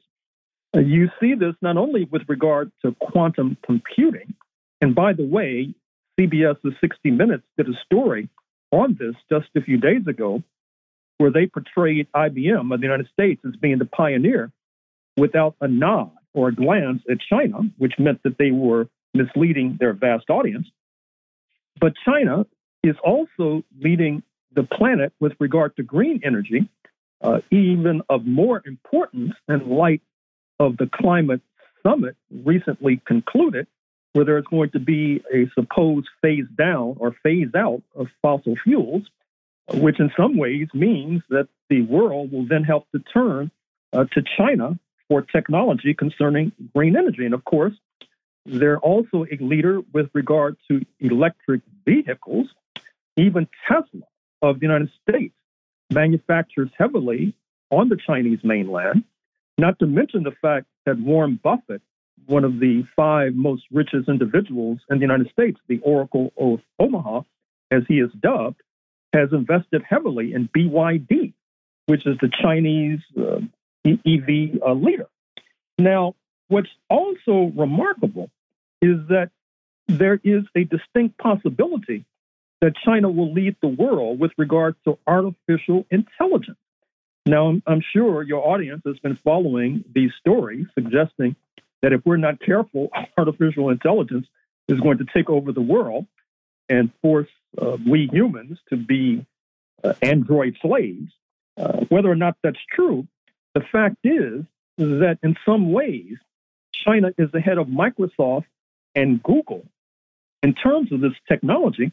And keep in mind that the late war criminal Henry Kissinger, one of the last books that he helped to author, or actually co author, because he co authored it with Eric Schmidt, formerly of Google, Uh, was precisely on this question of artificial intelligence because there's this notion afloat that whatever country leads in artificial intelligence will somehow be the leader of this small planet. And of course, China is also a world leader in terms of rare earths, which are important for electric vehicles and quantum computing alike. And so the United States is apparently contemplating tightening trade restrictions with regard to China, particularly in this area of chips that go into these supercomputers. Uh, what's remarkable there is that if you look at the leading U.S. producers of chips, particularly uh, NVIDIA of California and AMD of California, uh, both are now led by Chinese American scientists. And that bespeaks the fact that because of this relationship with the People's Republic of China going back a few decades, China has sent a number of the flower of its youth to be educated in the United States of America. Some of them have returned, some of them have not. But even there, the United States has a very striking uh, dependency. And so we see, going back to this trope of the most important developments of the past 500 years, this should not be surprising what's happening today, because by a certain calculation, uh, 1800 out of the past 2,000 years, China has been the world leader. After all, China was a pioneer in developing both gunpowder and paper. And then, before it suffered the uh, century of humiliation beginning in 1849, uh, China was a leader then as well. And of course, the century of humiliation was ignited by the British Empire, not least because of the so called Opium Wars, where they were trying to force uh, China to accept drugs so their, their population uh, could be catatonic, so to speak. And so we see that the world is returning to where it once was. But I would be remiss if I failed to mention that a turning point in terms of the rise of China was precisely Dr. Kissinger and U.S. imperialism, which a half century ago brokered an anti Soviet entente with China. And as a return, China received massive direct foreign investment from the United States of America. And that has led now to this crisis for U.S. imperialism, which is being exacerbated by the geopolitical crisis, which you've made reference to uh, more than once in, in recent days and weeks, and including today. That is to say, how the Palestinian crisis is worsening the image, the already declining image of U.S. imperialism. Uh, you might have noted that U.S. corporations such as Starbucks, that is to say, those that face consumers, their stock is going through the basement because there are boycotts in West Asia and North Africa with regard to Starbucks. That's one of the reasons why you see these comments from President Biden trying to put some distance between himself and Prime Minister Netanyahu. But I'm afraid to say that it's too late. I think we've mentioned before the rather uh, striking video from a McDonald's in Istanbul, where a pro Palestinian protester enters that store and unleashes might, sending customers uh, scurrying hither and yon. So, this crisis of U.S. imperialism can only be worsened in coming days, months, and weeks. The miscues and misdeeds of U.S. imperialism have contributed precisely to the rise of the People's Republic of China. South China, South China Morning Post reports Seoul urged to keep inter Korean military pact as tensions soar. It's a safety pin for peace. We got about two minutes, Dr. Horne. Well, South Korea is in a real crisis right now. They have a conservative leader, President Yoon. The conservatives historically uh, lean more towards U.S. imperialism, but China is their major trading partner. At the same time, this suggests that President Yoon will not fare well at the next election. Likewise, the Democratic People's Republic of Korea, North Korea, right across the border, uh, has been developing various kinds of technology uh, that has the conservatives quite shaken right now. And so we can see that also with the Palestinian crisis, you see both Korea and Japan, South Korea and Japan, uh, trying to reassure their resource trading partner in predominantly Islamic Indonesia, predominantly Islamic Malaysia, that they will not side with U.S. imperialism with regard to Israel. And of course, reference here the striking vote at the General Assembly just the other day, uh, where only the United States and about nine or 10 other nations, including nations like Micronesia and Liberia, stood with Washington, where even close allies, so called, like Australia, France, etc., either voted uh, against the United States and Israel or abstained. And just quickly, in, in 30 seconds, there was a time I remember we were during the Trump administration, there was talk about detente between the North and the South Koreans and that there could be some uh, some amicable discussions, and now all of that seems to have just disappeared. 30 seconds. Well, sure, because I think that the problem is is that the Biden administration has overestimated the strength of U.S. imperialism, and so therefore it does not necessarily see a rationale or a reason to cut deals. For example, cutting deals with North Korea, for example, cutting deals with Russia with okay. regard to Ukraine. So that's the problem. Dr. Gerald Horne, as always, thank you so much for your time. Greatly appreciate that analysis, and we look forward to having you back. Thank you. Garland, it's not getting any simpler. It, it only seems to get more complex. Folks, you've been listening to the Critical Hour here on Radio Sputnik. Thank you for allowing our voices into your space. On behalf of myself and my co host, Garland Nixon, we hope you were informed and enlightened, and we look forward to talking with you all right here tomorrow on Radio Sputnik. Be safe. Peace and blessings. We're out.